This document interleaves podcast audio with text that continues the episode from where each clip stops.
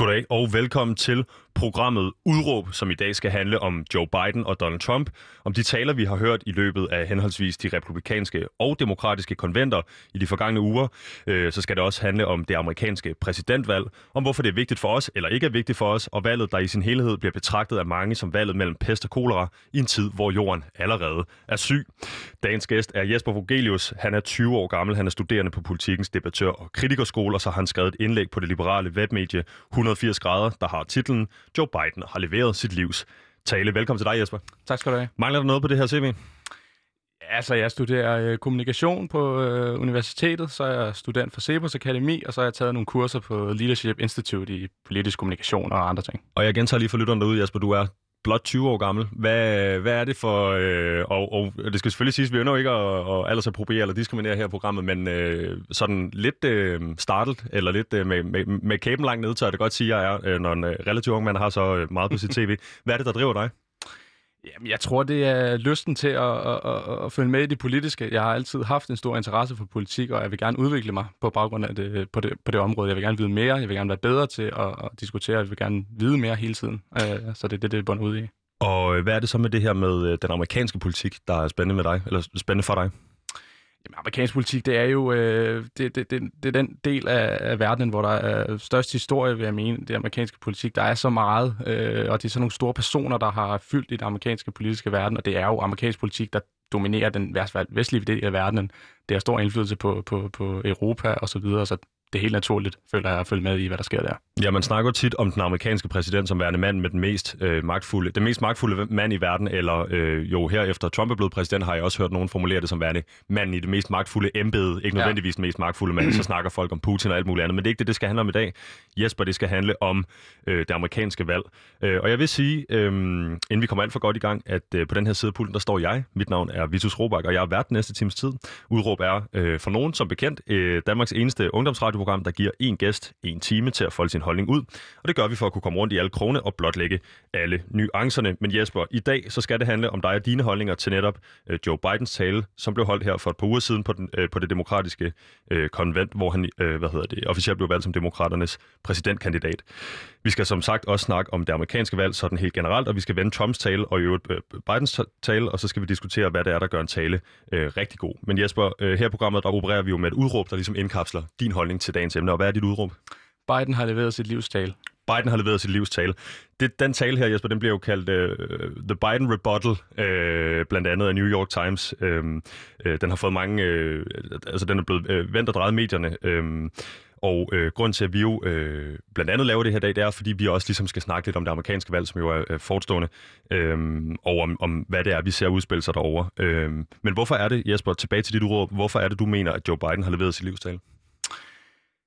Jamen altså, hvis vi sammenligner med de taler, Biden har holdt tidligere, også i hans, øh, inden han overhovedet blev øh, demokraternes øh, primære figur, altså de taler, han holdt i hans kampagne, og der han debatteret mod selv Kamala Harris, som så er hans vicepræsident i dag, øh, kandidat i dag, så var det nogle lidt, øh, hvis jeg pænt at sige, nogle lidt, nogle lidt svage taler samtidig. Han er også blevet kendt for at have de her problemer, øh, nogle taleproblemer, hvor han fumler over ordene, og øh, han kommer til at gentage sig selv rigtig mange gange osv., og, og det skete ikke øh, ved den her tale.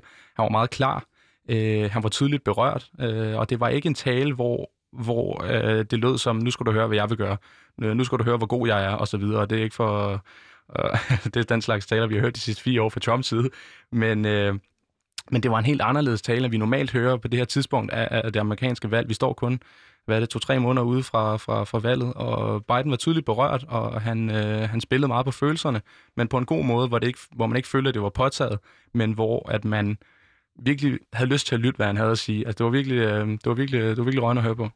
Og øh, jeg vil sige, for øh, dem, der ikke har lyt, øh, lyttet på den her tale nu, eller hørt den derude, øh, vi skal nok komme til at spille en masse klip derfra, øh, blandt andet øh, introduktion og så videre, så man kan øh, prøve ligesom at forstå de ting, du beskriver her.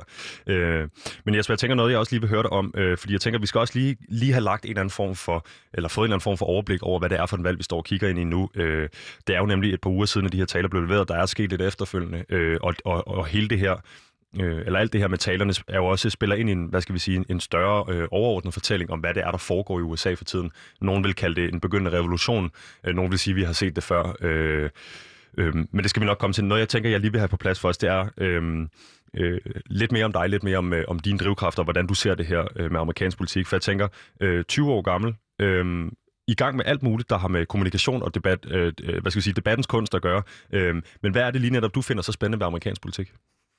Jamen, det er jo, det, det er, det er jo lidt det, jeg indledte med, ikke? Altså, det er, det er virkelig, at det er der, hvor, det, hvor, det, hvor de store beslutninger bliver truffet. Ikke? Det er der, hvor de største personer er. Det er der, hvor at der er virkelig, øh, hvor du, hvis du har magt, så har du virkelig magt, i, øh, hvis du er i USA. Altså, når, når man tager som øh, dansk statsminister, så har du nogle ting, du kan gøre i Danmark, og, og så kan du ellers øh, påvirke EU en lille smule. Altså, den amerikanske præsident har der indflydelse på alting, og det ser vi jo også. Og det har vi set med Trump de sidste fire år, altså med de tweets, han laver. Øh, jeg læste i gennemsnit, at han laver cirka 100 tweets om dagen, øh, omkring 70 måske. Øh, og alene det kan jo øh, vende op og ned på aktiemarkedet, og det kan øh, få andre ledere til at gå ud og kommentere og skabe frygt øh, blandt medier osv., så, videre, så jeg synes, det er oplagt at følge med i, hvad der foregår. Er det, øh, kan man sige sort på hvidt, at det er mere spændende end dansk politik? ja, det er lige spændende. Det er lige spændende. Men øh, noget, du også selv øh, kommer lidt ind på, det er, hvordan, det, hvordan de her to ting ser forskellige ud. Øh, tror du, der er noget mere sådan... Øh, jeg tør nærmest godt sådan drage en parallel til sportsverdenen. Altså, de, de kører i USA med det her øh, two-party system. Altså, der er noget, der hedder independence, og der er nogle øh, græsrådsbevægelser rundt omkring. Men øh, i virkeligheden, så at sige, dem, der er på stemmesedlen, det er sådan set kun Øh, republikanerne og demokraterne. Får det til at virke lidt mere som en slags, øh, altså en slags arve-fjendeopgør, eller en, en, en, en eller anden form for duel eller øh, kamp, øh, som vi måske ikke ser i Danmark, fordi det er så fragmenteret, det politiske billede? Jeg tror, at duel det er et rigtig godt ord, øh, fordi det er, jo, det er jo sådan mere eller mindre det har været altid. Jeg tror, der var et valg i 90'erne, hvor der var en, øh, en uafhængig, der faktisk fik ret mange stemmer, 11, 11 millioner stemmer. Men ellers så er det jo sådan, det har været historisk, og sådan vil det også være, at vi står med, med en mod en. Øh, og det er jo det er jo i og for sig anderledes for dansk politik. Altså vi trods alt, i dansk politik, vi har to stats, statsministerkandidater hver gang, mere eller mindre, ikke? Men, men øh, det, at vi har, jeg tror, vi PT har 10 partier i det danske folketing, det gør bare, at det er meget anderledes i, i USA, end det er i Danmark. Så øh, det er helt sikkert, det er helt sikkert meget mere en duel, end det er i, dansk, i en dansk kontekst. Ja, jeg tænker da også, øh, jeg sad til valgaften i forbindelse med det sidste folketingsvalg, og øh, der var, øh, vi sad en 15 unge mennesker og så valg, hvoraf de her 15 unge mennesker nærmest var øh, spredt ud over, jeg tror, der, tror, der var Jamen, der har vel været 13 muligheder på, øh, på plakaten, øh, altså for at stemme på øh, partier, og der var nærmest stemt på det hele øh, ude i den her stue på Østerbro.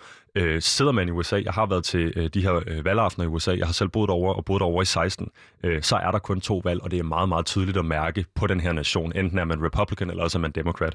Øh, men Jesper, hvorfor er det vigtigt, nu står vi her i, en, i et ungdomsradioprogram i, i København og snakker amerikansk politik, hvorfor er det vigtigt for, øh, for os at følge med i amerikansk politik, eller er det overhovedet vigtigt?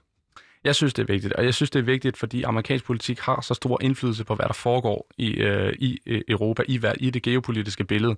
Øh, USA er en kæmpe, kæmpe magtfaktor, og vi betragter jo også selv, heldigvis, USA som vores allierede, og derfor synes jeg også, at vi kan være det bekendt og, og følge med i, hvad der foregår, og øh, slå til lyd for, hvem vi mener, der skal vælges. Og øh, så tænker jeg på, øh, nu er det noget, der... Øh, du har sagt det to gange nu. Jeg kan, jeg kan blive ved med at spørge dig om det, men øh, det er noget, det her amerikanske valg, der har øh, påvirkning. Det har indflydelse på, øh, på, hvordan vi lever vores liv. Øh, som du også selv siger, vi har øh, erkendt kulør. Vi holder ikke med det kinesiske hold, vi holder med det amerikanske hold. Øh, følger danskerne generelt nok med i det her valg? Øh, eller kunne de, kunne de måske øh, tage at følge lidt mere med? Jamen, jeg, jeg synes egentlig, vi følger ret godt med. Altså, vi, vi dækker det godt. Vi har mange programmer, vi har eksperter, der kommenterer, vi har øh, politikerne selv, der også er meget investeret i det. Vi har øh, masser af debat på, øh, når Berlingske skal skrive noget af amerikanske medier, når Jyllandsposten gør det, når politikken gør det. Der er masser af, af, af trafik. Øh, så jeg synes egentlig, vi følger med øh, på et fint niveau. Altså, ja. Ja, øh, og så tænker jeg på, øh, vi står og kigger ind i det her valg nu, og øh, det er måske ikke alle danskerne, der er med. Øh, sådan det, det tekniske, øh, det skal vi nok lige øh, komme tilbage til, men, men sådan her nu, øh, men de ting, der er på dagsordenen, hvad er det så ligesom, du føler, øh, eller i dine øjne, er de vigtigste punkter øh, hvad skal man sige, på, på dagsordenen i det her øh, valg? Jeg tror, at det, jeg tror, det vigtigste, fordi man, man kan sige meget om, øh, om hvad man, om man vil være enig med Trump rent politisk, er man mere enig med Biden rent politisk. Jeg tror faktisk, det vigtigste, det er, at vi får noget, at vi får noget stabilitet, at, vi, at, der, at, der kommer, at vi får et valg, hvor det handler om forudsigelighed, hvor det handler om tryghed, stabilitet. Hvilken kandidat kan levere mest på de tre punkter, og det har jeg så argumenteret for, det kan Biden. Det kan han nemlig øh, ifølge dig, Jesper, og øh, nu vil jeg gerne til det, fordi jeg tænker, vi skal øh, vi skal snakke om det her de næste øh, tre kvarter. Øhm, og det er jo sådan, som vi også lige har øh, snakket lidt om, det er ikke alle danskere, der har købt fuldstændig ind på, at øh, det her det er en begivenhed, de skal følge med i. Øhm, men det amerikanske valgsystem er jo noget mere kompliceret end det danske. Øhm, jeg tænker på, at vi lige kan prøve øh, at, at kigge på, hvor vi er i processen nu, øh, og, og hvad det er, vi ligesom står og kigger ind i for en fremtid. Fordi jeg ved alene det med en, en dato i oktober, en dato i januar, kan forvirre folk, øh, hvad er det egentlig forskellen er osv. Så, så lad os lige tage det fra, øh, fra starten af. Øh, vi har i dag øh, torsdag den 10. Øh, september. Øh, det vil sige godt og vel om en måned. Øh, nej, hvad er det? Ja, inden alfa, halvanden måned må det være, er der, hvad hedder det, øh, tak skal du have, producer mig, er der, øh, hvad hedder det, øh, er der amerikansk valg. Øhm, hvad, hvad, er det, hvad, er det, hvad er det for en periode, vi befinder os i nu her i, i den sidste slutspurt? Det er en slags forberedelsesperiode, fordi vi går stadigvæk, de kæmper stadigvæk indbyrdes nu. Øh, Biden gør alt, hvad han kan for øh, på de sociale medier, øh, talkshows andre steder, hvor han befinder sig, og virkelig udskamme, hvordan det er, at Trump har håndteret coronakrisen for eksempel. Så det er en slags forberedelsesperiode, vi befinder os i, og Trump gør alt for at sige, at den har han egentlig håndteret meget godt, og øh, hvis I får Biden, så får I en, der er fuldstændig uterrenelig, fuld, kommer til at smadre USA osv. Så, videre. så det er en forberedelsesperiode til øh, debatten, som de to skal have den første præsidentperiode, eller præsidentduel, øh, som kommer her i øh, september. Noget, vi glæder os meget til, øh, også der følger med det amerikanske valg. Ja. Øh, så er der sket noget andet i forbindelse med Joe Biden. Han har nemlig valgt en running mate, som det hedder i USA, en medkandidat, altså den, øh, det, det menneske, der skal figurere vicepræsident, når vi når til den tid. Øh, Kamala Harris, øh, hvad, hvad ved vi om hende? Hvad, hvorfor har han valgt at tage den her øh, afro, afroamerikanske øh, kvinde med ombord? Det, det, man, man kan sige, at der er, en, der er en meget, meget tydelig årsag til, hvorfor han har gjort det. Og en ting er, og der er faktisk flere, den ene ting, den er, at hun er en kvinde. Og det er der ingen tvivl om, at det er, hvad der rigtig mange vælgere, der vil sætte pris på, at vi får en kvinde som øh, vicepræsident. Hvis hun bliver valgt, så vil hun også være den første. Og det, øh, det, det, det, det, det lyder godt. Altså, det, det, det, det giver godt for hans kampagne. Øh, dels er hun øh, afroamerikaner, hvilket også øh, vil kunne bakke hans kampagne endnu mere op. Biden har selv udtalt, at at, øh, og det tror jeg måske, han har valgt at tage sig igen, men han sagde dog i hans kampagne, at du er ikke afroamerikaner, hvis du ikke stemmer på mig, for eksempel. Øh, så der er ingen tvivl om, han vil gerne slå sig til lyds for at være den, som kan samle øh, afroamerikanerne i USA, være deres øh, talerør og kæmpe for dem i kølvandet på George Floyd og alle de andre ting. Og Jesper, hvis man nu sidder derude og lytter med og tænker, hvorfor fanden skal altså kridhvide, nærmest lyserød Joe Biden på mm. øh, i slutningen af 70'erne, øh, hvis ikke han lige har startet 80'erne. Hvorfor skal den her mand være afroamerikanерnes, øh, eller de øh, af, amerikanske afroamerikanske, øh, hvad hedder det, stemmers, øh, øh, ligesom lys, eller hvad, hvorfor er det egentlig overhovedet, han går ind på den ticket? Øh, hvorfor er det, han er det, måske hvis man sidder derude og ikke har fulgt med i det, i det forgangne, øh, hvad skal vi sige, præsidentembede? Fordi det bliver han nødt til. Og så vidt jeg husker, sådan 77. Øh, fordi, det, det, fordi det, det bliver han nødt til. Øh, Barack Obama samlet var jo virkelig den, som, øh, som de afroamerikanere i USA, den gruppe, øh, øh, så op til i USA, samlede mange millioner stemmer for den gruppe, og, det, og han følger det samme spor. Han var Obamas vicepræsident gennem otte år, og der er ingen tvivl om, at han vil følge hans øh, strategi. Forsøge at samle stemmer derfra, fordi han vil jo fortælle de vælgere det, altså, at han kommer fra samme båd som Barack Obama. Han vil det samme som Obama, og, og, og, og vil i højere, højere grad hjælpe dem, end Trump vil. Ja, og så en, øh, en, en, en sidste ting, jeg lige tænker, vi skal vende om, når det kommer til Joe Biden, det er jo, at øh, han er i gang med noget, der i virkeligheden er ret historisk. Øh, nemlig er hans intention kun at løbe øh, hans eget præsidentembede fire år. Indirekte ligger det mellem linjerne, at han tager de første fire, så tager Kamala Harris over for de, øh, de sidste fire, hvis altså de skulle blive genvalgt øh, på den billet. Øhm, men han øh, var jo også Joe Biden, øh, for dem, øh, der skulle måske have glemt det, øh, hvad hedder det, vicepræsident i øh, præsident Obamas, tidligere præsident Obamas, øh, øh, hvad hedder det, præsidentembede. Øh, på den anden side, øh, Jesper, der står øh, Donald Trump. Øh, vi ved, hvad vi har fået de forgangne fire år. Øh, han løber for en tur til fire år mere, øh, og løber altså med samme øh, vicepræsidentkandidat, øh, Mike Pence, øh, som han har haft indtil videre.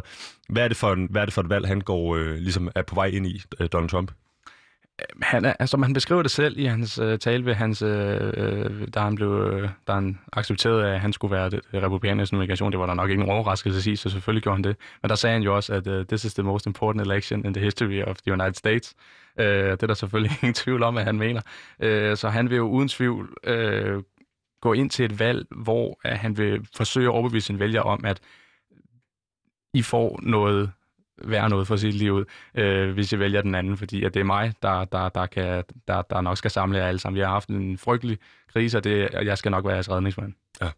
Øhm, det er ligesom de to øh, kandidater. Jeg tror ikke, vi gider bruge meget mere tid på at snakke om, hvad Trumps øh, ligesom valgbudskab er. Øh, han vil gerne have mere af det, han har haft, som du siger, osv. Øh, noget, jeg tænker, vi lige lynhurtigt skal nævne, fordi jeg tror, det bliver nævnt i, i, i en lille bid af nogle af klippene her, det er det her med svingstaterne det kan være enormt svært at forstå øh, det her amerikanske valgsystem, som har mange små finurligheder inde i sig, som vi ikke har snakket om i dag, og som vi nærmest, øh, det kan være, at vi inviterer dig ind, Jesper, en anden gang til at snakke det amerikanske valg igennem. Det kan være i, i forbindelse med valget i januar. Øh, det er enormt komplekst, og det er ikke lavet sådan, det er til at forstå, tværtimod. Øh, en del af det her, øh, den her store proces om at, få, om at få stemt en præsident igennem i USA, er det her med svingstaterne. Øh, det kan være, at man har siddet derude og fulgt med, man har hørt om Wisconsin, man har hørt om Iowa, man har hørt om Ohio, man har hørt om øh, de her stater, der ligesom har en, en mere afgørende rolle end de andre stater. Øh, kan, du, kan du lige sætte et par ord på, øh, hvad, hvad er det, der fungerer der, og hvorfor er det, at man som præsident skal ud og, og tale til nogle specifikke stater, og måske engang hele nationen, øh, når man holder de her konventtaler? Øh, det er fordi, at i USA, der kan man allerede på forhånd sige, og det har man også kun historisk, at der er bare nogle stater, der går til demokraterne, der er nogle stater, der går til republikanerne, og der er ikke noget at hente. Altså, Biden får ikke noget ud af at, at, at, at forsøge at overbevise en eller anden almen texan om, at de skal stemme på ham. Det får ikke noget ud af. Trump får ikke noget ud af at overbevise en fra Kalifornien om, at de skal stemme på ham, osv. Der er nogle stater, som bare er fastlåste. Så kommer vi til de her svingstater, og der er det jo sådan, at hvis du vinder dem, så vinder du også valget. Barack Obama vandt dem øh, begge, begge gange. Han vandt valget. Clinton formåede ikke at vinde dem, på trods af, at hun fik, jeg tror, det var 3 millioner flere stemmer end Trump. Øh, hun tabte de øh, svingstater. Trump fik dem med et snævert flertal, men han fik dem, og derfor fik han også magten, og det er derfor, de er så vigtige. Det er det lige der rigtigt, og nu sagde du det selv. Jeg havde tænkt mig, at vi skulle springe over det. Nu sagde du det selv, så, så tager vi den lige lynhurtigt. Hvordan kan det være, Jesper, at man kan vinde med 3 millioner? Altså, råt for usødet, så vinder Clinton med 3 millioner flere stemmer. Der er 3 millioner flere amerikanere, der har stemt på Hillary Clinton, men på grund af det, der hedder The Electoral College, øhm, altså en slags øh, øh, repræsentativt stemmedemokrati, kan man vel nærmest kalde det, øhm, så ender hun med ikke at vinde valget. Øh, er det, er det fordi det her øh, hvad hedder det, system er, er gennemsyret, korrupt og åndssvagt, eller er det bare øh, øh, levn fra fortiden? Det er baseret på stater, det er baseret på valgmænd, øh, og det, det er et eller andet sted, altså for amerikanerne selv, så er det jo utroligt simpelt et eller andet sted. Du stemmer på den, som er opstillet i din stat. Du stemmer faktisk ikke på præsidenten, du stemmer på hans valgmænd, øh, eller hendes valgmænd. Og, øh, og er der flest af dem i den pågældende stat, så har du vundet. Og, det, øh, og, det er jo, øh, og grunden til, at hun får så mange flere stemmer, det var jo fordi, at hun vandt kæmpe stort i Kalifornien. Som de fleste af os ved, så bor der øh, mange millioner mennesker i Kalifornien. 38 millioner. 38 millioner mennesker nemlig i, øh, i øh, Kalifornien. Og der vandt hun kæmpestort, og derfor ender hun også med at få flere stemmer. Men det nytter ikke noget, fordi Kalifornien er en stat ligesom alle andre, og der er et vis antal valgmænd ligesom alle andre. Øh, så man kan sige, øh, det var ikke noget øh, hele verden, øh, selvom det var en stor nyhedshistorie, at hun vinder, selvom hun taber, øh, så er det ikke noget, der var nyt for amerikanerne nødvendigvis. Øh, jeg tror, vi så noget lignende omkring valget i år 2000, med Al Gore Al Bush. Gore Bush, ja. Ja, lige præcis. Øh, og den har jeg ikke lige læst op på, så jeg tror, vi kan lade den hænge der. Men der, der er noget, noget, der minder om, det var øh, et endnu mindre antal stemmer, der afgjorde det dengang. Ja. Men øh, Jesper, nu, skal, nu er vi kommet til den del af programmet, øh, jeg har glædet mig rigtig meget til. Vi skal til at høre nogle klip fra de her taler. Vi skal høre dit, øh, eller få dit besøg med på, hvad det er, du hører. Øh, og så skal vi prøve at se, om vi på en eller anden måde kan, kan, kan se, hvad vi har lært at høre på det her. Men jeg vil sige først øh, til dig, der sidder derude og har tændt for radioen efter timestart. Du lytter til Udråb på Radio Loud. Vi er øh, i dag så heldige at have besøg af Jesper Vogelius. Han har skrevet debatindlæg i 180 grader øh, hvad hedder det, det liberale netmedie, og hans hvad hedder det, udråb i dag er, at Biden har leveret sit livs tale til demokraternes konvent for et par uger siden. Hvis du sidder derude og tænker, at jeg vil gerne blande mig i debatten, så ring dog bare ind på 4792 4792, øh, så får du fat i producer mig, og så kan I tage den derfra. Men Jesper, jeg har taget nogle forskellige lydklip med til dig. Øhm, de er henholdsvis fra øh, Joe Bidens cirka 25 minutter lange tale til det demokratiske konvent, og øh, fra Donald Trumps nogle 70 minutter lange tale øh, ja, på, ja. Øh, jeg kan ikke huske, om det var i The Rose Garden eller på planen ude foran, men som han altså får lov at holde øh, fra det hvide hus selvfølgelig. Øhm, det skal jo siges, at øh, mange af de her øh, taler, begivenheder osv. jo plejer at være meget mere pompøse. Det plejer at foregå i nogle fuldstændig vanvittige Super Bowl-agtige ja. rammer øh, med øh, konfettikanoner og øh, altså hele byer, der bliver booket i ugevis, fordi det, at de ligesom bliver det, hvad hedder det, centrum for det her valg i, i, i en kort periode. De ligger dem som regel i øvrigt i de her svingstater for at lave noget øh, fokus på det. Øh, men de her taler lidt mere øh, uden baggrundslyd. Øh, der er ikke så meget jubel, og måske der er lidt til Donald Trumps øh, men jubel og tjuhej, fordi det sådan set er coronavenlige øh, konventer, der er blevet afholdt i år. Øhm, jeg tænker, vi skal hoppe lige ind i det. Jeg øh, starter med at spille et klip fra Joe Bidens, det der kaldes en acceptance speech. Altså, han har accepteret, at han nu er blevet demokraternes, øh, øh, hvad hedder det, jeg står med en masse engelsk ord i hovedet her, men deres præsidentkandidat ja, selvfølgelig. Ja. Øhm, jeg spiller lidt her, og så kan vi snakke om det bagefter. Ja. Ella Baker, a giant of the civil rights movement, left us with this wisdom. Give people light, and they will find the way. Give people light. Those are words for our time. The current president has cloaked American darkness for much too long. too much anger, too much fear, too much division. Here and now, I give you my word. If you entrust me with the presidency, I will draw on the best of us, not the worst. I will be an ally of the light, not the darkness. It's time for us, for we the people, to come together. And make no mistake, united we can and will overcome this season of darkness in America. Jesper, vi øh, tillader os øh, at være så flabet ikke at oversætte hele biden her. Jeg øh, håber på, at lytterne derude også forstår sproget engelsk, eller i hvert fald gør det langt hen ad vejen, men jeg vil dog lige opsummere at sige, det vi hører ham sige er, og det er et gennemgående tema i den her tale, lyset ja. og mørket. Øh, det skal vel nærmest gå usagt hen, at det selvfølgelig er ham selv, der skal være lyset i Donald Trumps mørke USA, i den mørke virkelighed, han har skabt i den her nation. Hvad hører du ellers, når du hører øh, åbningen for den her tale? Jamen, der er ingen tvivl om, at i den her sammenhæng, der prøver han også igen, som vi talte om tidligere, han prøver virkelig at appellere til, de, øh, til, til afroamerikanerne i USA, for han nævner netop Ella Baker i starten. Ella Baker, hun var en øh, borgerrettighedsforkæmper, menneskehedsaktivist, øh, øh øh, op gennem 1900-tallet, og især øh, havde meget at sige under øh, Martin Luther Kings periode i de vilde 60'er, som vi kalder dem.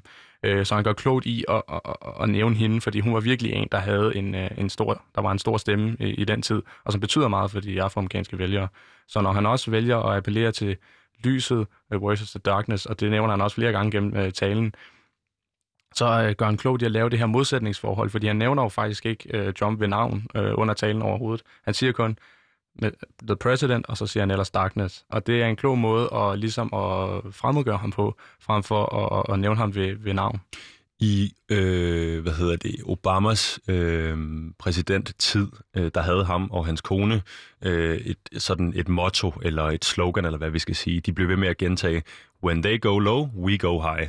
Altså, øh, hvis øh, oppositionen øh, begynder at lave mudderkastning i den offentlige debat osv., så, så er vi for fine til det. Vi gider ikke komme ned på det niveau. Er det i virkeligheden også det, han gør det, at være refereret til ham som the president, og, og ikke som øh, altså med nedladende ord om, om hans hudfarve, hans hår og alt muligt andet, øh, øh, men holder det ligesom til at sige, det er det embede, der er nu, men det er altså et, et, øh, øh, et mørke, vi befinder os i. Det er præcis. Altså, det, det, er netop, det er netop det, fordi der er ingen tvivl om, han har jo lært, lært noget af at være, øh, være øh, Obamas øh, tætteste øh, kompagnon i otte år, og det er, det er en god strategi, fordi den viser også, at demokraterne skal ligesom være de, de, de samlende på en eller anden måde. Det skal ligesom være, øh, om end ikke de pæne, så i hvert fald dem, der opfører sig ordentligt, øh, hvor republikanerne de tør sige lidt mere, tage lidt mere rent ud af posen. Øh, så der er ingen tvivl om, at det var det, der var i tankerne, da han vælger at lave den her light versus darkness. Øh, ja. Ja, og sådan siger du selv, at han benytter sig af borgerretsforkæmperen, øh, eller Baker, han øh, invoker ligesom hende, og, og, og de ting, hun gjorde i forbindelse med det her øh, retoriske virkemiddel, altså The Light and the Dark. Øh, jeg tænker på, Jesper, øh, for folk, der ikke følger så meget med amerikansk politik, og vi skal også huske at have dem med i den her samtale, øh, hvis det her foregik i Danmark, og det er en antagelse, men så kan vi spille lidt bold her. Hvis, hvis den danske statsminister øh, eller en, en statsministerkandidat går ud og siger, lad os sige, at der er et, et, et grønlandsk mindretal i Danmark, man gerne vil ud og nå, øh, og så begynder at snakke om grønlandske folkehelt og så videre, så tror jeg, at det på den danske sjæl vil føles en lille smule falskt, eller en lille smule malplaceret, at man skal begynde at snakke om fortiden på den her måde. Er det, er det din, øh, øh, hvad skal man sige, er det din... Øh, øh, undskyld, det kludrer rundt med engelsk ord i hovedet på mig, men er det din opfattelse, at, øh, at, at, at det går på den her måde, ligesom at bringe Ella Baker ind i spillet, øh, for, for at henvende sig helt åbenlyst til et segment af den amerikanske valggruppe? Jeg synes faktisk, det fungerer. Jeg, jeg synes faktisk, at det var, der er ingen tvivl om, at, det er, at, det er, at der er blevet tænkt grundigt over, om han skulle nævne hende i starten, fordi at det tror jeg alligevel også, at, øh, at han var øh, sikker på, at det skulle han trods alt gøre. Fordi der er, der er bare en langt større der er en langt større historie, der er en langt større vælgergruppe i at nævne øh, Ella Baker, og det betyder rigtig, rigtig meget for mange millioner mennesker i, øh, i USA, også øh, sågar for de hvide vælgere, fordi de ser også op til hende. Øh, hun var virkelig en, der var med til at ændre det dengang, så, så der er ingen tvivl om, at, at, at det, vil, øh, det, det vil være på, på sin plads frem for, som du selv nævner. Det vil virke påtaget, øh, det er jeg enig i, hvis, øh, hvis vi havde en, hvis Mette Frederiksen nu i hendes øh, kampagne sidste år øh, kontinuerligt talt om grønlænderne, det vil virke meget påtaget, fordi det har vi ikke tradition for. Og det har de nemlig i USA. Øh, Jesper, jeg vil lige hurtigt sige til lytteren derude, hvis du har tændt for din radio og tænker, hvad fanden foregår der egentlig, så er det øh, Jesper Vogelius øh, øh, og mig, der er i studiet. Mit navn er Vitus Robak. Øh, vi er i gang med at diskutere øh, præmisserne for det amerikanske valg ud fra de taler, øh, vi hørte ved henholdsvis øh, det, hvad hedder det demokratiske konvent og på, øh, fra det hvide hus i sidste uge. Øh, Jesper, nu spiller jeg lige starten af Donald Trumps klip her. Nu har vi fået styr på, på Biden. Det kommer her. Uh, thank you very much. Thank you very much. Thank you. Thank you very much. Friends, delegates, and distinguished guests, please. I stand before you tonight honored by your support, proud of the extraordinary progress we have made together over the last four incredible years, and brimming with confidence in the bright future we will build for America over the next four years.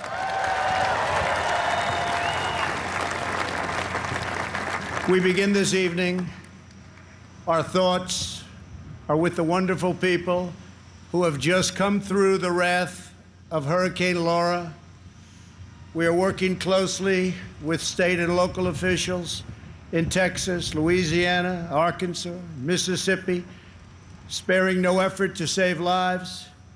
While the hurricane was fierce, one of the strongest to make landfall in 150 years, the casualties and damage were far less than thought possible only 24 hours ago. Oh, Jesper, øh, dit udråb og grund til, at du står her i studiet i dag, og på baggrund af en artikel, et debatindlæg hedder det, undskyld, du skrev i den forgangne uge, øh, forrige uge hedder det, øh, med titlen øh, Biden har leveret sit livstale. Nu hørte vi før øh, en, en fin, et fint retorisk setup. Han snakker om, øh, om lyset og mørket. Han øh, invoker øh, eller Baker og, og, og, og, hvad hedder det, den her borgerretsforkæmpers fortid og alt muligt andet. Hvad er det, du hører, når vi hører starten af, af Donald Trumps tale her? Øh, altså, han har, han har en, en, øh, en dygtig talskriver, Donald Trump, det er der ingen tvivl om, det er derfor, han nævner uh, Hurricane, men det er også bare, jeg synes, det der er hans, det der er hans fejl ved, den her, uh, ved det her klip alene, uh, det er, at han formår ikke, og, og det, det der er så afsindigt vigtigt, når man holder taler, det er, at du ændrer i dit, i dit uh, stemmeleje. Det gør han ikke. Han taler meget monotont, Donald Trump, og det får slet ikke den virkning, tror jeg i hvert fald, som hans talskriver havde håbet på.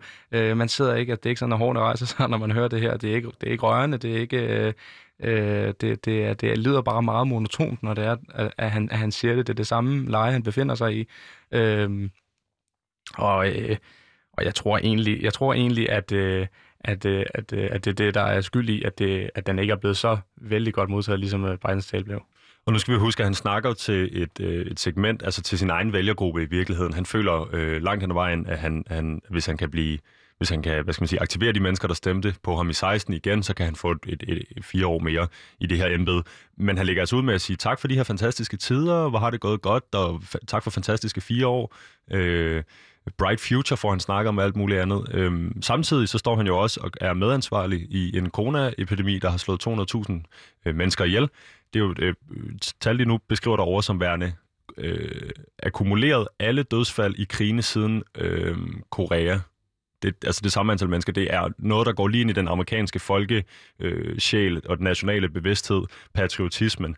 Øhm, er virkeligheden så lys, som han får den til at lyde som om i starten af den her tale, øh, eller danser han bare hen over det og håber på, at der ikke er nogen, der ligesom faktatjekker ham?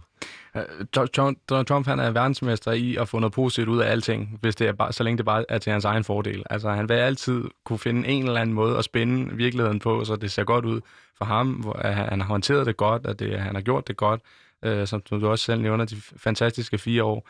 Det tror jeg, der er en små 60-70 millioner amerikanere, der er uenige med ham i. Men, men, det, men det er en verdensmester i, og, øh, og hvis man spørger ham, så er der ingen tvivl om, at vi går bright future ahead. Ingen tvivl om det.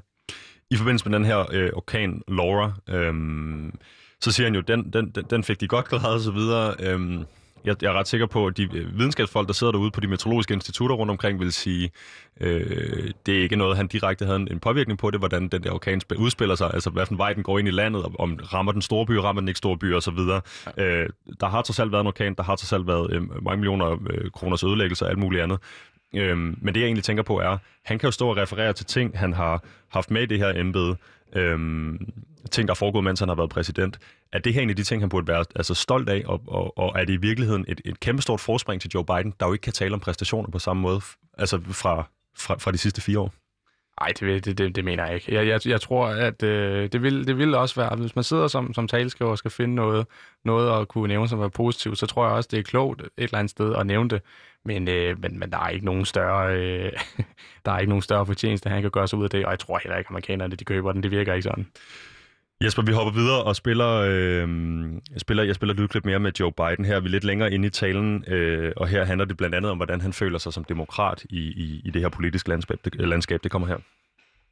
I'm a proud Democrat, and I'll be proud to carry the banner of our party into the general election. So it's with great honor and humility I accept this nomination for President of the United States of America.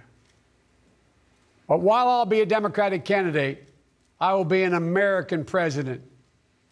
I'll work hard for those who didn't support me, as hard for them as I did for those who did vote for me. That's the job of a president, to represent all of us, not just our base or our party. This is not a partisan moment. This must be an American moment. It's a moment that calls for hope and light and love, hope for our future light to see our way forward, and love for one another. America isn't just a collection of clashing interests of red states or blue states. We're so much bigger than that. We're so much better than that.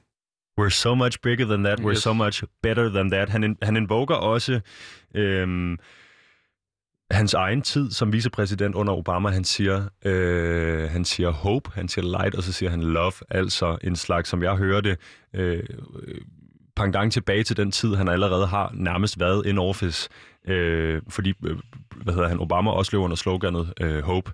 Øh, light, som er den her gennemgående ting i, i, i talen, light, the light versus the dark, og så det her love, altså det, den her... Øh, man kan mærke på, om den her slags antipolariserende linje, han i virkeligheden kører med kontra Trump. Hvor, hvor vigtigt tror du, det er for, for Joe Biden i den her tale at få sig selv til at være den ikke-polariserende, øh, øh, inklusive præsident, der vil arbejde for alle, kontra den her Donald Trump, som vi jo har set altså uendelig mange udtalelser med, blandt andet, there were good people on both sides i forbindelse med, øh, hvad hedder det, KKK-rallyet i North Carolina sidste år, for i år osv. Øhm, hvor vigtigt er det for ham ligesom at at få adskilt de to? Den ene arbejder for hele folket, den anden er en egoist. Det er sindssygt vigtigt. Det, det, det, er, det, er, rigt, det er rigtig, rigtig vigtigt, og det er også det, demokraterne har slået til lyd for deres vælgerbase, deres politikere, at vi står over for en, vi står over for et genvalg af en, som bare vil arbejde, og det er det, der er så klogt ved den her tale, også derfor det er et rigtig godt klip, fordi igen, han skyder på Trump uden faktisk at nævne hans navn, fordi han siger, at en præsident skal være en, der omfavner alle, uanset om de stemmer på ham, eller om de ikke stemmer på ham. Og vi skal ikke, vi skal ikke have en præsident, der kun tager sig af sin vælgerbase og sine øh, venner osv. Og, og han gør det på en sådan måde, at man ikke er i tvivl om, at han jo skyder på Trump, uden faktisk at nævne ham.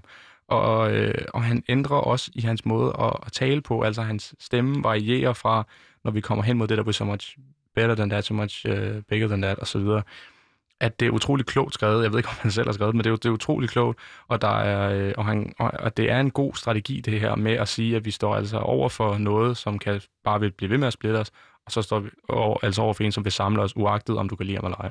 Er det lang tid siden, vi har hørt det her budskab fra en amerikansk præsident, altså et ønske om at samle folket? Nej, det er det ikke. men men, men, øh, men øh, afhængig af, hvad man mener, hvor lang tid. Men vi, vi hørte det jo også for, fra Clinton, og hun sagde nogenlunde det samme om Trump, at han ville bare splitte os, hvor hun ville, forst- jeg tror hun sagde unite os i sin tid. Øhm, så så det, er, det er jo noget, demokraterne er vane for at sige, at vi os, der, vi, vi dem, der samler, vi er de ansvarlige i godsøjen. Øh, og så prøver de at sige, at republikanerne er noget andet. Hvis ikke det fungerede for Clinton, hvorfor tænker vi så, øh, at det måske kunne fungere for Biden? Hvorfor tænker man i hans spindokteri og hans taleskriveri ikke, øh, ikke på, en, på en anden vinkel? Jeg tror faktisk, at det, der skadede Hillary Clinton dengang, det var faktisk, at hun havde så stor en profil i uh, Obamas tid som uh, præsident. Der var alt for meget, der var alt for mange kontroverser fra hendes tid som minister. Uh, jeg husker, hun var forsvarsminister, er det ikke rigtigt? Jo. Og, uh, Og der var der mange, mange, mange kontroverser. Der var, og Trump, han var jo heller ikke bange for at nævne dem. Uh, I debatterne sagde han direkte til en, you'd be in jail if I were president, og sådan nogle ting. Det fik ja. folk til at klappe fuldstændig balstyrisk ind i ja. salen jo. Fuldstændig. Og, og, og amerikanerne købte den. Altså, der var ingen tvivl om det. Hun blev, de, de sagde jo også, at øh, den blev faktisk også kendt som et valg mellem pest og kolera, men trods alt, så valgte, valgte man Trump ikke. Hun blev jo nævnt som, øh, undskyld, the bitch. Det var det, det amerikanerne kaldte hende. Uh, the election between the maniac and the bitch, og der valgte man så The Maniac. Præcis. Og øh, jeg tror jo, set med danske briller, så er det svært at se præcis, hvorfor det skulle være et pest- eller koleravalg, men det formåede øh, Trump-lejren jo nærmest at gøre det til, øh, ved at sværte hende så meget. Øh, som du selv nævner, hun var forsvarsminister, Secretary of State, øh, og havde en e-mail-skandale, og havde noget andet, der så lidt som om, at der var noget lyssky øh, spil på, på, på færre. Øh, han har forsøgt sig alt, hvad han kan med Sleepy Joe igen i den her. Altså det er så blevet Joe Bidens øh, nickname, øh, Sleepy Joe, og nu kan jeg glemt, hvad øh, Kamala Harris har fået. Hun har også fået et eller andet, der antyder, at hun skulle være uægte eller falsk. Øhm, øh, alle hans politiske modstandere gennem tiden får de her øgenavne. Øhm, men, men, men som du også selv øh, pointerer, Joe Biden, Joe Biden slår ikke tilbage. Han, han bliver ikke en del af det her game, og vi kunne se så snart, det var ved den anden præsidentdebat øh, der i 16, der prøver, der kan man se Hillary Clintons taleskriver prøve at give igen. Øh, og i det sekund, hun prøver at øh, give igen, så får hun bare et gigantisk rap over nallerne, ja, ja. og man kan nærmest mærke, at publikum rejser sig ind i den her sal, for det er ikke længere politik, det er som at se en boksekamp eller MMA eller et eller andet øh, vanvittigt. Og det er jo det, han kan, og det, det er det, vi kan mærke. Det er også det, jeg hørte dig sige, det er det, Joe Biden vil udenom. Ja, og det, og det er også det, som vi skal være meget, meget øh, opse på, eller det er det, hans talskriver skal være meget opse på, og Biden selv, fordi når vi står i debatterne, som jeg tror, den første debat er 28. og 29. september, der skal Bayern være meget, meget ops på ikke at gå ind på den banehalvdel, fordi han bliver, han bliver, den bliver klapset lige tilbage i smasken på ham, hvis han begynder på et eller andet. Så han skal bare holde sig til, hvad vil han, og så kan Trump vel stå og kalde ham for, for de ting, han nu har lyst til, fordi Biden kommer ikke til at vinde på den banehalvdel, hvis han går ind der. Nej. Og øh, Jesper, jeg tænker, vi skal hoppe videre. Jeg har taget øh, et, et, et klip mere med fra senere i Trumps tale. Nu skal vi altså tilbage til Trump. Øh, hopper tilbage. Skal vi prøve at lade være med at gøre det alt for ja. Øh, arkificeret. Øhm, her snakker han blandt andet om the greatness of America, øh, og det var også det her med, øh, hans budskab fra sidste valgkampagne var, make America great again. Det, har han jo, det mener han jo så, at han har formået i de, i de forgangne fire år her at snakke om, hvad det er, han har opnået. Det kommer her. The Republican Party, the party of Abraham Lincoln, goes forward united, determined, and ready to welcome millions of Democrats, independents, and anyone who believes in the greatness of America and the righteous heart of the American people. Jesper, vi står og trækker lidt på smilbåndene herinde. Han ligger ud med at sige, The Republican Party The Party of Abraham Lincoln. Og hvis du sidder derude og tænker, undskyld mig, hvad det giver da ingen mening, så er det sådan set rigtigt nok. Øh, omkring øh, lidt efter Lincolns tid, der laver de her politiske partier en slags værdiskift. Øh, så det der dengang var lidt mere, øh, ah, skal sige... Øh, for at tegne det op i nogle, nogle begreber, der giver mening i dag, lidt mere socialistisk, øh, så var det faktisk det republikanske øh, parti dengang. Abraham Lincoln var formand for det republikanske parti, øh, da øh, The Emancipation Proclamation kommer. Øh, altså den, der frigør øh, slaverne i USA på daværende tidspunkt. Øh, nu, snakke, nu spørger, startede med at spørge dig om, hvorvidt at det her med, at Joe Biden bruger Ella Baker, øh, en, en, en elsket for, borgerretsforkæmper, øh, igennem sin tale, og ligesom har det øh, som en, som en, lidt som en løvende pendant til det her med lys og mørket. På den anden side, så får Donald Trump sagt, det er inden for 8 sekunder, The Republican Party, the party of Abraham Lincoln. Og det skulle, tror jeg så ligesom, øh, deres taleskrivers hoved har været en, det var, også, det var også det var republikanerne, der frigav slaverne dengang. Det er også der, der stod bag øh, øh, den her krig. Hvad tænker du, når du hører det? Jamen, det huler, det huler meget, meget, øh, meget, meget, meget tyndt for mig. Altså, der, øh, der er ingen tvivl om, at de har jo tænkt, som du siger, at de har tænkt, at det, det, det kommer til at fungere rigtig godt. Og nu, nu skal I høre, at vi har en mand nu, øh, som er præsident, som, øh, som har noget på, øh, øh, på Lincoln-niveau med at sige, vi er, vi, vi, vi er tilbage til, øh, til, en, til en, der bliver kaldt en af de bedste præsidenter i amerikansk historie, og det er derfor, han nævner ham. Øh, jeg tror egentlig, at, øh, at, øh, at de har lidt, om, lidt om misforstået, hvordan man skal bruge Abraham Lincolns navn. Ikke, ikke i den sammenhæng. Øh, så, så altså tanken er måske meget god. Lad os prøve, at, altså sådan rent spændmæssigt, lad os prøve at få Donald Trump til at, og, og, altså lad os i virkeligheden prøve at gå efter nogle af de der afroamerikanske vælgere, den der, det enormt store segment, som altid er øh, øh, contestet ved de her amerikanske folketingsvalg.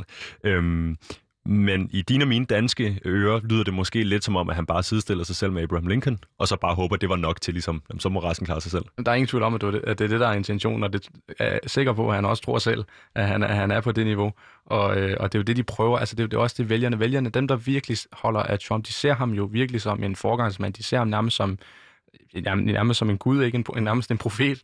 Altså en, der virkelig er Amerika. Amerika he, altså han er bare en amerikansk mand, der, der, der, der kan redde os alle sammen. Og han er ufejlbarlig, ikke? Jo, jo, lige præcis. Ufejlbarlig, og alt, hvad han laver, det er det bedste, we have ever seen, og det, er, det har aldrig været bedre. Øh, og, og sådan bliver han jo ved. Det er hans stil. Han fortsætter med den her enormt monotone øh, tone igennem, øh, altså stort set de samtlige 70 minutter. Øh, han kommer til at kede sig lidt ud i slutningen af talen, kan man høre på ham, og der, der switcher han lidt rundt og, og kommer med flere bisætninger og indskudte sætninger, han selv lige står øh, med ind i hovedet, af min antagelse, som jeg hørte. Øh, men er der noget ved den her altså hvis vi går tilbage igen og kigger lidt på de her øh, retoriske virkemidler, øh, er der noget, der ligesom går skævt ved den her øh, også hvide mand i slutningen af 70'erne, øh, midten af 70'erne, som står her og bræger om, at han skulle være øh, øh på nogen måde på samme niveau, som, som du også selv får det sagt, Abraham Lincoln, en af de mest øh, hyldede præsidenter i amerikansk historie? Han spiller jo bare på, på sin ethos, og det, og det gør han hele vejen igennem. Øh, det, det eneste, altså han står, jeg tror det er en time og 10 minutter, det, man skal også huske, at der bliver klappet en del, så, så hvis han bare havde talt i, i tomt rum, som Biden havde gjort, så havde det måske varet, hvad ved jeg, 55 minutter eller sådan noget. Men det der er, øh, det der er ved det, det er, at i samtlige af de minutter, det eneste han taler om, det er, hvor godt han har gjort det, og øh, hvor dårlig øh, Joe Biden han er. Det er faktisk det eneste, han berører. Øh, Øh, meget usædvanligt dog, det, det skal man da trods alt give ham. Øh, I starten af talen, helt i starten, der starter han med at takke folk. Øh, det er ikke så tit, Donald Trump man gør det, hvis overhovedet. Han takker sin kone, han takker sin vicepræsident for at være den bedste vicepræsident i amerikansk historie og alle mulige ting. Øh, og det, det, der, det var da trods alt rart at se, at Donald Trump også kan det. Øh, og så, så var der da også lidt humor indimellem og så videre, som, som gør, at, det, at man ikke bare sidder og falder i søvn, men det var meget monotont. Øh, Jesper, jeg har taget øh, to klip mere med. Et med Biden, et med Trump. Det er her, hvor de altså ligesom får omtalt hinanden lidt, eller i hvert fald lidt for, øh, for stukket til hinanden. Som du selv siger, så er Trump rimelig meget på røven af, undskyld, efter Biden igennem hele sin tale. Øh, Biden holder sig lidt for fint til det, men øh, vi kan lige prøve at høre, hvordan han trods alt på en eller anden måde får sagt det om præsidenten her. This is a life-changing election. This will determine what America is going to look like for a long, long time. Character is on the ballot. Compassion is on the ballot. Decency, science, democracy, they're all on the ballot. Who we are as a nation, what we stand for, and most importantly, who we want to be, that's all on the ballot. And the choice could not be more clear. No rhetoric is needed. Just judge this president on the facts. Five million Americans infected by COVID 19. More than 170,000 Americans have died. By far the worst performance of any nation on earth. More than 50 million people have filed for unemployment this year. More than 10 million people are going to lose their health insurance this year. Nearly one in six small businesses have closed this year. And this president, if he's reelected, you know what will happen. Cases and deaths will remain far too high. More mom and pop businesses will close their doors, and this time for good. Working families will struggle to get by. And yet, the wealthiest 1% will get tens of billions of dollars in new tax breaks. And the assault on the Affordable Care Act will continue until it's destroyed taking insurance away from more than 20 million people, including more than 15 million people on Medicaid. Jesper, en masse tal, Joe Biden får slynget ud her. Det handler om øh, øh, den, den, den overordnede øh, ligesom tese, han, eller hvad skal man sige, øh, linje, han får lagt i starten af det her citat, nemlig øh, No rhetoric is needed. Der er ikke brug for retorik her. Judge this president on the facts. Bedøm ham på hans, altså på fakta. Bedøm ham på de tal, vi har. Så begynder han at liste op, hvad der skete blandt andet i løbet af coronakrisen. Noget, han også berører, Jesper, det er det her med, øh, i øvrigt vil der blive øh, 10, milli- 10 milliarder dollars øh, mere i tax breaks for de rigeste. Det er jo en, en, en, en ting, der har kørt i løbet af det her øh, valg og i løbet af den her coronaperiode, at de rigeste i det amerikanske samfund bare bliver stødt rigere, rigere, rigere, rigere. Jeg har set nogle vanvittige tal på, hvor mange flere penge de har øh, øh, ligesom fået i løbet af de sidste 6-8 øh, måneder her. Øh, No rhetoric is needed, siger han, og så går han alligevel lidt ned ad den retoriske sti. Øhm, han holder sig for fint til at nævne Donald Trumps navn. Hvad er det, du hører her? Jamen, der er ingen tvivl om, at, at det, han, det, han vil her, det er, at han vil fortælle sine vælgere, nu skal I, nu skal I høre, hvad det er, øh, nu skal I høre, hvad det er, Trump han har gjort her. Nu, nu, nu skal I høre, hvorfor I, I ikke skal vælge ham et eller andet sted. Og det er også det, jeg vil sige. Jeg vil sige dog, fordi nu har jeg stået og rost Biden meget her i det her program, og det gør jeg også i mine, øh, i mine artikler, og jeg håber også, at han bliver valgt. Men jeg vil også sige, at det var trods alt, det var en global pandemi. Altså, vi, der er ingen tvivl om, at Trump han kunne have gjort meget mere end det, han gjorde, for han valgte jo faktisk mere eller mindre ikke at gøre noget. Men, øh, men, men det, de har gjort, de demokraternes kampagne, det er, at de også har klædet ham for løfte, øh, hvad hedder det, øh, ja, løftebrud. Han har ikke levet op til sine valgløfter og sådan nogle ting, fordi han har han lovet, at øh, beskæftigelsen der aldrig vil, øh, hvad hedder det, den skulle være tårnhøj og sådan nogle ting. Og så har vi set det ordentligt dyk. Altså, det, det var jo trods alt ikke hans administration alene, der forårsagede, at det dyk, det kom. Altså, det kom via en, øh, en pandemi, så de, de går jo også efter nogle, altså i gode så en billige point, men det er point, der virker. Det er point, folk vil lytte til, og det er også, Øh, det er jo også det er jo, det er jo fakta, det er reelt nok, og det er vigtigt at bringe på banen, for man kan ikke komme udenom det. I går kom det frem, at uh, Trump i en serie med interviews med Bob Woodward, som øh, ikke nogen mennesker på vores alder nok husker, men det var altså manden bag øh, Watergate, altså øh, journalisten bag Watergate-skandalen, Øh, i de her interviews, som egentlig er uden for citat, eller det er noget, der er blevet optaget, øh, mens Donald Trump har, øh, tror vi har øh, troet, at mikrofonerne var slukket, for han sagt, at han hele tiden har øh, haft i intentionerne at downplay the virus, altså at få det til at virke som øh, mindre, end hvad det egentlig var, for ikke at skabe panik ud landet. Det kommer frem i går. Er det, er det så noget her, øh, Joe Biden måske skal lade være med at holde sig for fint til, og så gå i flæsket på ham, øh, fordi det er så øh, voldsom en udtalelse, eller skal han lære af, af, af, af ligesom tidligere, øh, tidligere forsøg på at gå i kødet på Donald Trump, nemlig det skal man holde sig helt fra? Jeg tror, at han skal øh, i talesætte. Jeg tror, jeg tror, han gik for, for langt med den tale, som han holdt. Det tror det, det er faktisk på, øh, det var ganske nyt for et par dage siden, eller sidste uge. Øh, hvor han jo øh, meget, øh, det var meget, øh, som vi som vælgerne kalder ham, de kalder ham for Angry Joe. Og den side er der faktisk nogen, der godt kan lide, når han bliver mere aggressiv i hans måde at tale på, hans kropssprog, han ser vred ud, han, han står og spænder op. Øh, og, øh, og, og der tror jeg egentlig, at han gik lidt for langt, fordi at vi skal stadig huske, at det er, det er, det er noget spekulation. Der var også det her vedrørende, at øh, Trump at, øh, at Trump han skulle have, have, have forudset, at, øh, at de her ting de ville ske, og at han ligesom havde, øh, havde, øh, havde bare set over nogle af de her KKK-ting, der var sket og sådan noget. Vi skal stadig huske, det er trods alt altså rygter, Trump, præsidenten afkræfter det. Der er ikke nogen sådan øh, højere medier eller noget, der bekræfter det. Øh, uanset hvad, er det jo klogt at nævne det, men han skal også passe på med, at han ikke bare står og skælder ham ud for noget, som vi reelt ikke ved, om er sandt.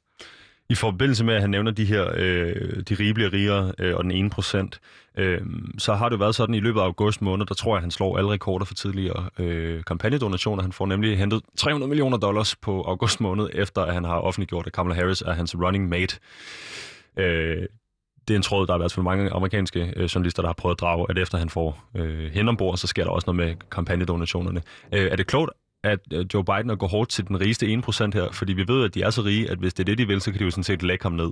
Altså øh, i, i det her sådan rimelig pengevenlige øh, demokrati- eller hvad hedder det, politiske system, de har.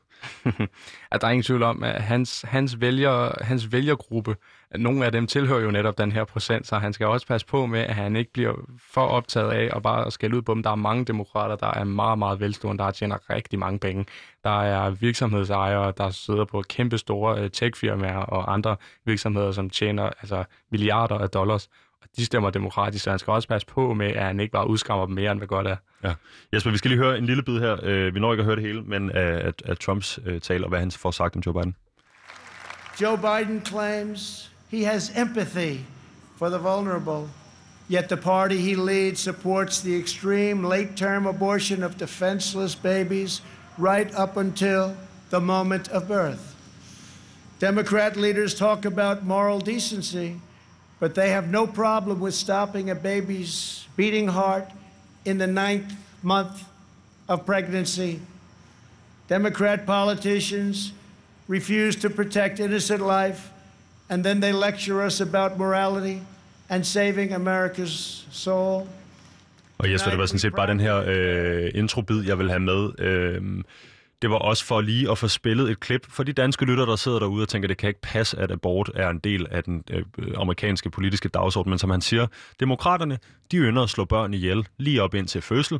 Øh, de vil lecture os om, altså de vil, øh, hvad hedder det... Øh, øh, det er bare et fint begreb på engelsk, og nu har jeg det ikke lige den danske udgave, men de vil gerne belære os, hedder det på dansk, Ja, ja. Øh, om moral, men de vil også gerne slå børn ihjel. Øh, hele den her ting, der kører, øh, det er jo den religiøse del af den her debat. Hvor meget fylder det? Men Det er, det er sindssygt klogt. Det er, det er et rigtig godt øh, redskab, for det er også noget af det, der har været, der har, der har, der har virkelig har, har splittet de to partier ad ved hensyn til spørgsmålet om abort. Republikanerne er voldsomt imod. Der er rigtig mange republikanere, der er meget troende, øh, som virkelig øh, udskammer abort. Altså, det er, det, er, det er mor, det er det, de siger. Og derfor går en klog de har nævnt det. Øh, kan det trække nogle demokratiske vælgere over? Nej, det kan det nok ikke. Men det kan i hvert fald overbevise republikanerne om, at jeg er stadig den rigtige mand, for jeg vil kæmpe imod det her. Øh, og så tænker jeg også, det spiller ind i sådan et, et, et, et, et, et større billede, altså hvem er det egentlig, der regerer det her land? Mange republikanere vil jo sige, det er jo Gud, og så i en eller anden udstrækning, så er der noget politik ind under alt muligt andet. Det er et meget øh, dogmatisk kristent land, øh, i hvert fald inde i midten af det her land, så, altså helt geografisk. Øh, noget, der også hænger sammen med, hvorfor kysterne som regel har tendens til at stemme lidt mere demokratisk. Men Jesper, mere når vi ikke omkring de her taler. Øh, tusind tak for dit, øh, dit besøg på de her taler. Øh, det, det er godt at have en med, der ligesom øh, know, knows the ropes. Nu skal jeg simpelthen stoppe med de her amerikanske ting, men en, der ligesom kender til, til gamet, øh, og nu gjorde jeg det igen. Jesper, øh, jeg vil sige lynhurtigt til lytteren derude, hvis du har tændt for din radio efter timestart, så lytter du af de sidste fem minutter til øh, af øh, udråb på Radio Loud. Jeg har Jesper Vogelius med mig i studiet. Øh, han har skrevet debatindlæg i øh, det liberale webmedie 180 grader, der hedder Joe Biden har leveret sit livs tale, og nu har vi lige gået igennem de her lydbidder. Det, jeg vil bruge den sidste del af det her program på, Jesper, det er at snakke om, hvorfor eller hvorfor ikke det amerikanske præsidentvalg er vigtigt for os som danskere. Og jeg tænker egentlig bare, at jeg vil hoppe lige ind i det, øh, fordi nu får vi det lige nævnt her med kristendommen til sidst. Øh, altså de, de, de ting, de har brugt som skyts mod hinanden i de klip, vi har hørt her, har været øh, brugen af borgerretsforkæmper, brugen af religion, øh, brugen af øh, de rigeste mennesker i samfundet, der øh, får mere og mere øh, rigdom, og så videre, og så videre. Bliver det mere grimt i USA, end det gør i Danmark? Det, det, det tror jeg egentlig. Jeg tror egentlig, at i USA, der er man ikke så, øh, der er man, hvad hedder det, der må, der må man godt være bramfri. Altså, der, må, der, øh, der går man mere til stålet, hvor i, hvor i dansk politik, og øh, jeg elsker dansk politik, men der er det også, der er meget taktik i dansk politik. Der er meget, du, du skal gerne være gode venner med dem her, og du skal også være gode venner med dem her. Så der er du også meget mere betænksom med, hvad siger du til medierne? Hvad, hvad, hvad siger du, når du bliver spurgt af en journalist om, hvad synes du om det her spørgsmål? Det kan godt være egentlig, at du er helt enig med det, der bliver sagt, men ah, du spiller det lidt ned, fordi nu skal du også passe på, du har nogle venner herover. Det gør man ikke i USA. Man siger bare, hvad man har på, øh, på hjerte. Øhm, lad os sige, vi har to scenarier. Det ene scenarie er, at Donald Trump øh, bliver valgt. Det andet scenarie er, at Joe Biden bliver valgt. Øh, er der nogle af de her øh, scenarier, hvor det kommer til at have en, en, en voldsom indflydelse på, hvordan det er at være dansker i Europa?